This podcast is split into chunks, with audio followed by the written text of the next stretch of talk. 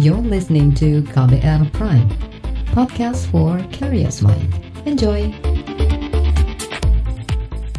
Selamat pagi saudara, kembali kami menjumpai Anda melalui program Buletin Pagi KBR edisi Selasa 12 Mei 2020 bersama saya Don Brady. Informasi terkini untuk pagi ini di antaranya target gerakan kurva COVID-19 melandai berpotensi gagal. THR untuk PNS, TNI Polri, Hakim, dan Hakim Agung dibayarkan Jumat ini. Difabel lagi-lagi alami diskriminasi saat ikuti CPNS. Inilah Buletin Pagi selengkapnya. Terbaru di Buletin Pagi. Gugus Tugas Percepatan Penanganan COVID-19 mengklaim pemberlakuan pembatasan sosial berskala besar PSBB di sejumlah daerah cukup efektif menurunkan jumlah kasus positif virus corona. Kepala Gugus Tugas Percepatan Penanganan COVID-19 Doni Monardo mencontohkan Jakarta yang menerapkan PSBB mengalami penurunan kasus sebanyak 11 persen secara hitungan nasional. Ia juga menyerukan pemerintah daerah yang memiliki kasus cukup tinggi segera mengajukan izin penerapan PSBB untuk menekan laju penyebaran COVID-19. Doni juga mengusulkan keterlibatan TNI untuk membatasi pergerakan orang selama penerapan PSBB. Perlunya unsur Kogak Wilhan untuk membantu pemerintah provinsi, kabupaten kota dalam rangka menata kembali sehingga upaya-upaya gugus tugas provinsi itu bisa mendapatkan dukungan penuh dari unsur TNI dan juga Polri di daerah. Kogak Wilhan 2 ini tentunya diharapkan akan bisa memanfaatkan unsur-unsur TNI yang ada di uh, Jawa Timur, khususnya jajaran Kepala Gugus Tugas Percepatan Penanganan COVID-19 Doni Monardo mengatakan penurunan kasus virus corona hampir terjadi di semua provinsi yang daerahnya memperlakukan PSBB. Sebelumnya, Presiden Joko Widodo menargetkan bisa menurunkan kurva grafik penyebaran COVID-19 pada Mei hingga Juli tahun ini. Sementara itu memasuki pekan kedua bulan Mei, temuan kasus positif virus corona di Indonesia masih tinggi. Juru bicara pemerintah untuk penanganan COVID-19 Ahmad Yuryanto menyebut dalam 24 jam terakhir ada tambahan 230-an kasus positif baru. Konfirmasi positif COVID-19 hari ini kita dapatkan 233 orang sehingga totalnya menjadi 14.265 orang. Kasus sembuh meningkat 183 orang sehingga total menjadi 2.881 orang. Kasus meninggal meningkat 18 orang, sehingga total menjadi 991 orang. Juru bicara pemerintah untuk penanganan COVID-19 Ahmad Yuryanto juga menyebut virus corona sudah menyebar di 373 kabupaten kota di Indonesia. Ia kembali mengingatkan masyarakat terus mematuhi prosedur kesehatan dengan jaga jarak aman, menggunakan masker, rajin mencuci tangan, dan menerapkan pola hidup sehat. Penjelasan berbeda datang dari Badan Nasional Penanggulangan Bencana BNPB yang dipimpin Doni Monardo. Deputi Bidang Pencegahan BNPB Lili Kurniawan menyebut grafik penyebaran COVID-19 di tiap daerah berbeda. Jika kurva penyebaran virus di Jakarta menurun, di sejumlah daerah masih meningkat.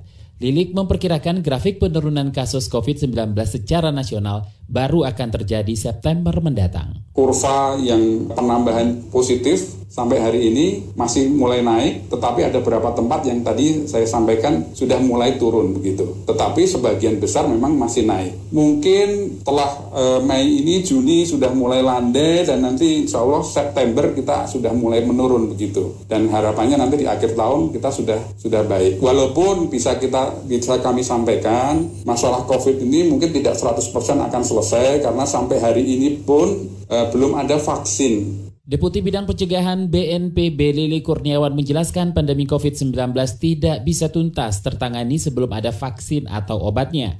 Namun pemerintah menargetkan sebelum akhir tahun Indonesia akan kembali normal. Saudara target Presiden Joko Widodo menurunkan kurva penyebaran COVID-19 pada Juli nanti diperkirakan sulit tercapai ahli epidemiologi atau ahli penyebaran penyakit dari Universitas Pajajaran, Panji Hadi Sumarto, menyebut model kurva yang menjadi acuan pemerintah tidak real time sehingga tidak ideal dijadikan patokan mengukur kondisi saat ini.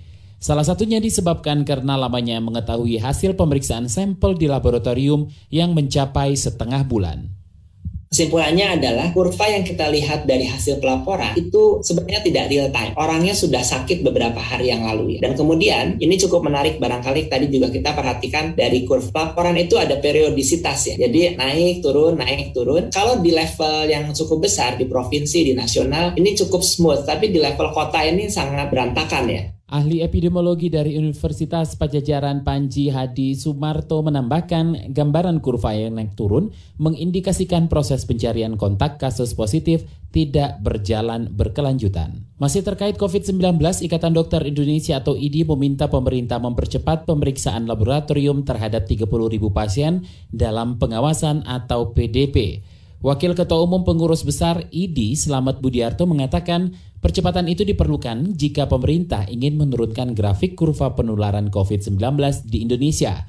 Menurut Slamet, jika hasil tes PDP belum keluar, maka jumlah pasien positif sebenarnya masih simpang siur dan sulit menghitung kurva peningkatan atau penurunan kasus. Pemerintah harus mengurai pemeriksaan PCR untuk PDP yang jumlahnya 30 ribu. Satu. Yang kedua, pemerintah harus mencegah kematian pada pasien PDP dan pasien konfirm yang dirawat. Yang ketiga, pemerintah harus menerapkan PSBB yang diperketat. Yang sekarang tapi diperketat lah. Harusnya Jawa semua, satu pulau. Wakil Ketua Umum Pengurus Besar IDI Slamet Budiarto juga mengkritik kebijakan operasional transportasi umum yang dilonggarkan pemerintah. Budiarto mengatakan selama ini penerapan pembatasan sosial berskala besar atau PSBB secara ketat di sejumlah daerah sudah cukup berhasil menurunkan kasus COVID-19. Ia khawatir jika mobilitas orang dilonggarkan, maka akan berisiko memperluas penyebaran virus corona. Kita ke mancanegara, saudara pemerintah Inggris berencana melonggarkan karantina wilayah atau pembatasan sosial secara bertahap paling cepat 1 Juni mendatang. Sedangkan kegiatan sekolah kemungkinan dibuka kembali Juli mendatang. Perdana Menteri Inggris Boris Johnson mengatakan pemerintah akan menggerakkan kembali sektor perekonomian yang sebelumnya ditutup selama hampir dua pekan. Saat ini jumlah kasus positif COVID-19 di Inggris mencapai lebih dari 219 ribu orang, jumlah kematian melampaui 31 ribu orang. Sementara kasus baru di Rusia melonjak tinggi. Dalam 24 jam terakhir terjadi penambahan 11.000 kasus dengan total jumlah positif virus corona di Rusia mencapai 221.000 orang. Jumlah ini membuat Rusia melampaui kasus Inggris dan berada di posisi ketiga terbanyak dunia di bawah Amerika Serikat dan Spanyol. Kementerian Keuangan bayarkan THR untuk aparatur negara pada akhir pekan ini. Informasinya usai jeda tetaplah di Buletin Pagi KBR. You're listening to KBR Pride, podcast for curious mind. Enjoy!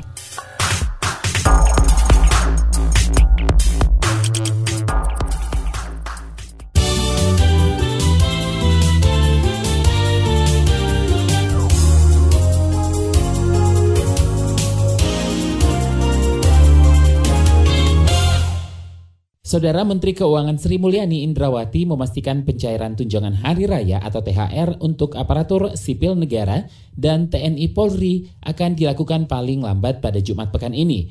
Nilai totalnya lebih dari 29 triliun rupiah.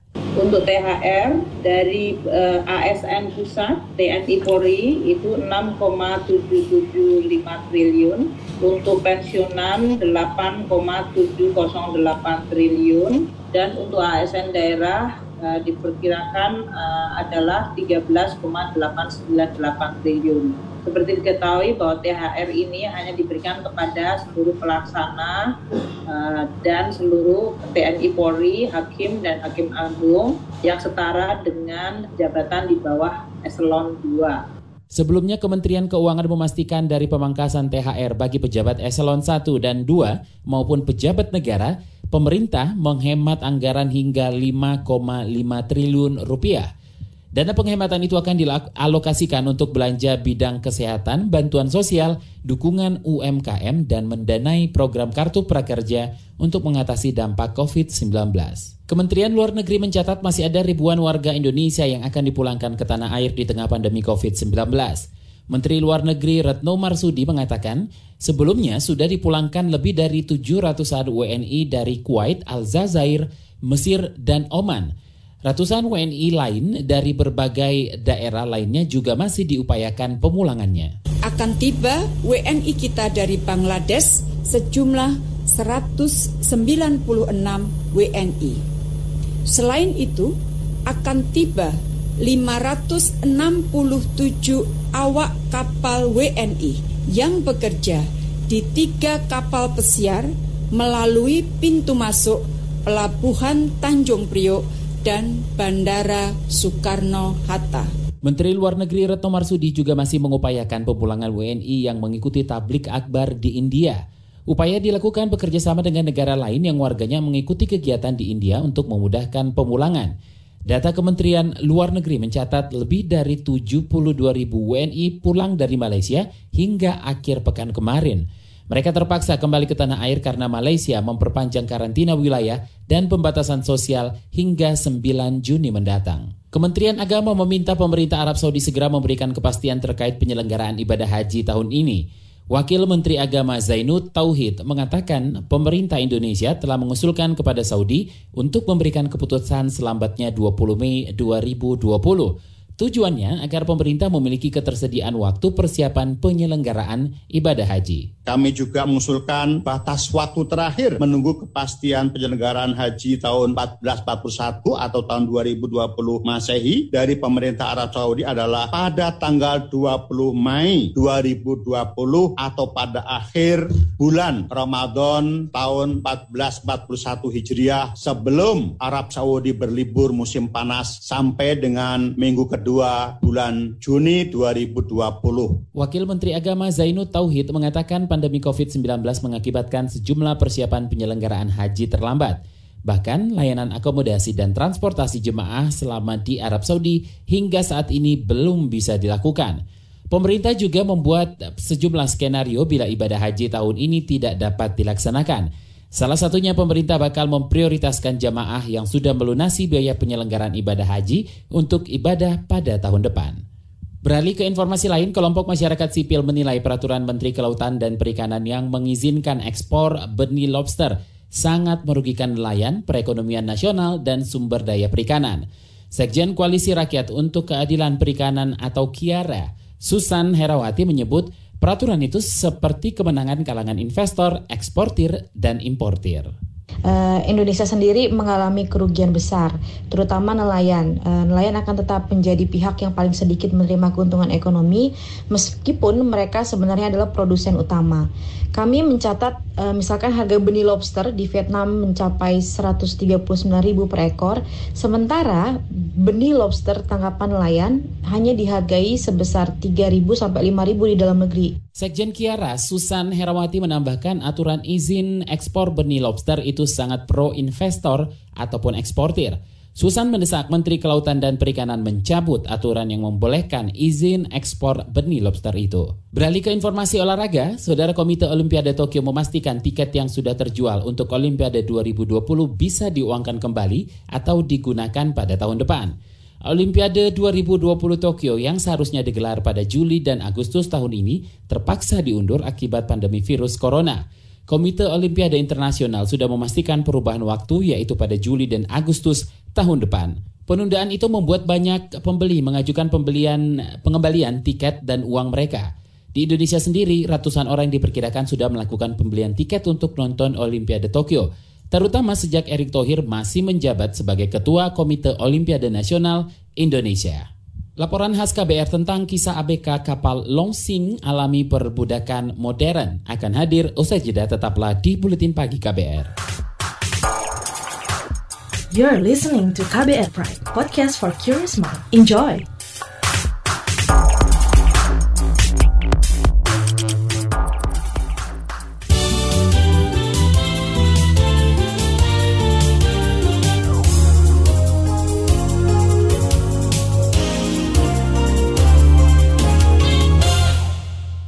Anda masih mendengarkan buletin pagi, saatnya kita menyimak laporan khas KBR. Kasus perbudakan modern terhadap anak buah kapal atau ABK di kapal ikan asing kembali mencuat. Baru-baru ini, kejadian tragis menimpa ABK WNI yang bekerja di kapal Longsing 629 berbendera Tiongkok. Empat ABK meninggal dunia saat melaut dan selama bekerja mereka mendapat perlakuan tidak manusiawi.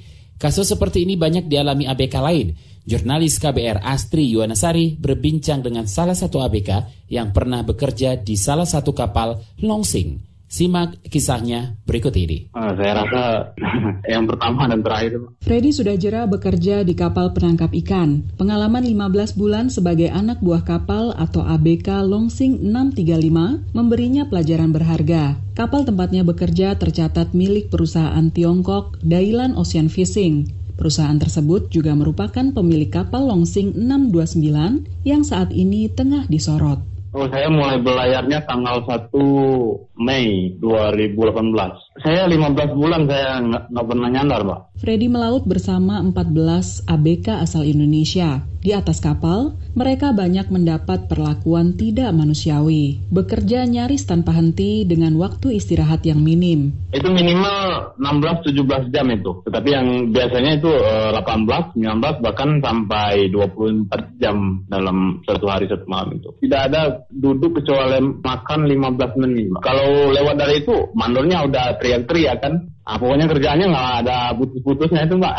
ya buang pancing pokoknya banyak lah. Makanan yang disediakan juga jauh dari layak. Freddy dan rekan-rekannya sering melahap makanan yang sudah kedaluarsa. Yang namanya di atas kapal itu banyak makanan yang udah kadaluarsa, Mbak. Seperti Indomie, ayam juga kan udah ibaratnya udah satu tahun yang lalu kan. Para ABK tak jarang mendapat kekerasan fisik selama bekerja. Mereka hanya pasrah karena tiada daya untuk melawan. Oh, waktu satu minggu kita di kapal itu ada kejadian wakil mandor itu mukul orang Indonesia tuh, Pak. Ya karena baru apa tuh baru jadi ABK kan belum tahu semua kan. Jadi masih proses pembelajaran. Tapi mandor tahunya mereka harus bisa bekerja. Setahun lebih di tengah laut, Freddy mulai terjangkit penyakit hernia. Alih-alih diberikan akses pengobatan memadai, ia malah dipulangkan ke Indonesia tanpa alasan jelas. Alhasil, Freddy dianggap tidak menyelesaikan kontrak kerja selama 24 bulan. Saya sakit di atas kapal, tetapi saya melaporkan kepada pihak kapal, kepada mandor, tapi tidak menanggapi. Walaupun diberikan obat juga, itu kebanyakan obat di kapal itu udah kadaluarsa. Saya nggak tahu juga itu apa dipulangin, apa. Tapi agensi menganggap saya meminta pulang sendiri kan memutuskan sepihak. Derita Freddy makin lengkap karena perusahaan tak membayar gaji sesuai janji. Awalnya ia diiming-imingi penghasilan 300 dolar tiap bulan. Namun selama 8 bulan pertama, pemuda asal Sumatera ini tak pernah mengantongi uang hasil jerih payahnya. Freddy menghitung setidaknya masih ada 1000 dolar gajinya yang belum dibayar perusahaan.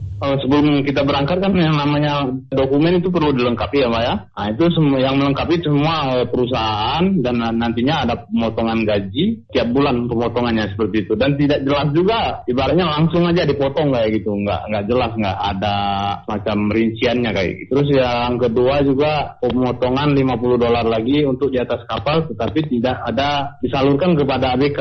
Sampai saat ini juga untuk yang 50 dolar itu belum ada pastiannya, Pak. Kini, Freddy hanya bisa menyesal karena terpikat iming-iming gaji besar. Derita selama bekerja di kapal tak sebanding dengan hasil yang didapat. Nah, jadi daripada nganggur ya udah langsung aja mendaftar ke PT.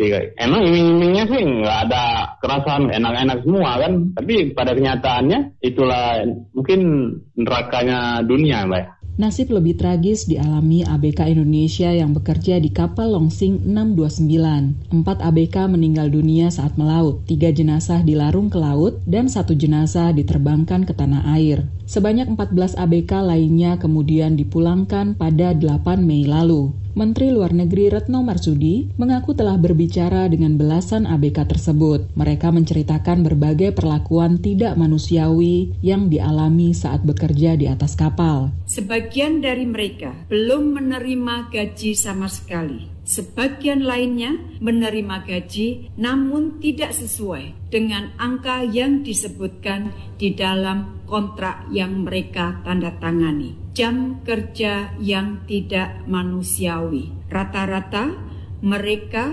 mengalami kerja lebih dari 18 jam per hari.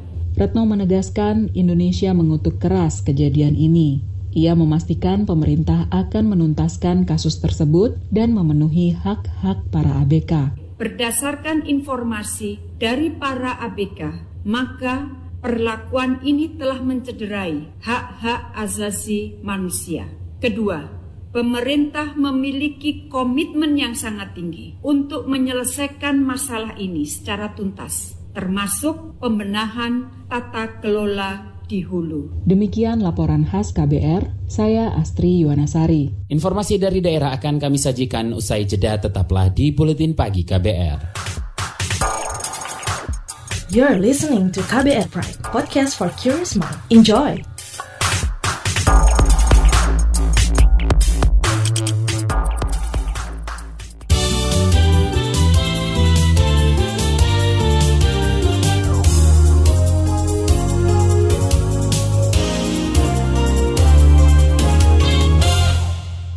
Inilah bagian akhir buletin pagi KBR. Saudara seleksi pendaftaran calon pegawai negeri sipil CPNS 2019 Provinsi Jawa Tengah diwarnai diskriminasi terhadap peserta formasi khusus disabilitas. Peserta CPNS difabel tunanetra M. Baihaki mengatakan Badan Kepegawaian Daerah Jawa Tengah menilai ia dan dua tunanetra lain tidak memenuhi syarat menjadi CPNS guru lantaran merupakan difabel netra. Kami gitu ya diberikan penjelasan secara lisan ya oleh Pak Wisnu dan stafnya yang menyatakan bahwasanya nama kami harus digugurkan oh, okay. sebagai peserta CPNS karena kami tidak memenuhi syarat mereka mengatakan gitu. Oke, okay. okay, Pak. Nah, tidak memenuhi syaratnya karena apa kata mereka tidak sesuai dengan persyaratan ketentuan yang mereka tuliskan katanya gitu yang di persyaratan yang mereka tuliskan itu bunyinya bahwasanya jenis disabilitas yang mereka inginkan adalah yang tunadaksa saja yang boleh oh, mendaftar. Iya, iya, itu. Peserta CPNS Difabel Tunanetra M. Bayi Haki mengatakan sebelumnya ia lolos dengan nilai tertinggi dalam seleksi administrasi dan peringkat satu formasi disabilitas tunanetra pada tes seleksi kemampuan dasar pada Februari lalu. Bayi Haki sudah mengajar sejak 9 tahun lalu di kota Pekalongan. Ia juga mendapat penghargaan dari konsultan RI di Tawau, Malaysia atas keterlibatannya mengajar anak-anak tenaga kerja Indonesia di negara itu. Yayasan Perlindungan Konsumen Kesehatan Indonesia YPPKI mengecam direktur rumah sakit yang justru menyalahkan pasien tidak jujur terkait riwayat medisnya. Kecaman itu terkait isolasi 15 tenaga medis Rumah Sakit Muhammadiyah Ahmad Dahlan, Kediri, Jawa Timur. Isolasi dilakukan sesudah ditemukan ada pasien positif COVID-19 yang diduga berbohong saat pemeriksaan. Direktur YPPKI Marius Wijayarta mengatakan rumah sakit harusnya memiliki sistem dan manajemen pencegahan penyebaran penyakit, bukannya malah menyalahkan pasien tidak jujur. Contohnya di sana ada namanya kesehatan keselamatan kerja. Di situ dia harus pantau tuh apakah APD-nya ada atau enggak. Di sana juga ada infeksi nosokomia jadi kalau misalkan kita masuk rumah sakit sakitnya A, terus ketularan penyakit lain itu ada. Saya bisa ngomong itu manajemen rumah sakit itu nggak susah. Jadi kalau sampai ada petugas kesehatannya tertular atau terdampak corona, itu yang kurang pandai adalah direktur utamanya. Direktur YPPKI Marius Wijayarta menambahkan rumah sakit seharusnya meminimalisir potensi penyebaran virus corona dan menangani penyakit tanpa menimbulkan masalah baru. Sebelumnya pertengahan April lalu, Direktur Rumah Sakit Muhammadiyah Ahmad Dahlan Kediri Zainul Arifin mengatakan, akibat ketidakjujuran pasien tentang riwayat COVID-19, maka tenaga medis yang memeriksa tidak mengenakan alat pelindung diri, juga tidak memperlakukan tidak memperlakukan maksud kami pasien tersebut sebagai ODP ataupun PDP. Saudara PT Kereta Api Indonesia akan mengoperasikan perjalanan kereta api luar biasa untuk berbagai rute mulai hari ini hingga akhir Mei mendatang. Pada masa itu akan dioperasikan 6 jadwal perjalanan kereta api luar biasa untuk masyarakat yang dikecualikan sesuai aturan pemerintah dengan penerapan protokol pencegahan COVID-19 yang ketat. Juru bicara PT KAI Joni Martinus mengatakan, masyarakat yang diperbolehkan menggunakan kereta api luar biasa adalah pekerja di pelayanan penanganan COVID-19, pertahanan, dan keamanan, kesehatan, kebutuhan dasar, fungsi ekonomi penting, hingga perjalanan darurat pasien. Penumpang datang ke stasiun untuk melakukan reservasi atau pembelian tiket dan diharuskan menunjukkan dokumen-dokumen sesuai dengan yang dipersyaratkan oleh surat edaran gugus tugas. Di antaranya dokumen yang menunjukkan negatif atau bebas dari COVID-19, adanya juga surat tugas dari instansi terkait dan dokumen-dokumen penunjang lainnya yang akan diverifikasi oleh satuan tim gabungan yang ada di stasiun tersebut. Juru bicara PT KAI Joni Martinus menambahkan calon penumpang yang sudah terverifikasi akan mendapat surat izin dari Satgas COVID-19. Surat izin itu hanya berlaku untuk satu kali perjalanan. Informasi tadi menutup jumpa kita di Buletin Pagi hari ini. Pantau juga informasi terbaru melalui kabar baru, melalui website kbr.id, Twitter kami at berita KBR, serta podcast melalui kbrprime.id. Akhirnya saya Don Brady pamit undur diri. Salam.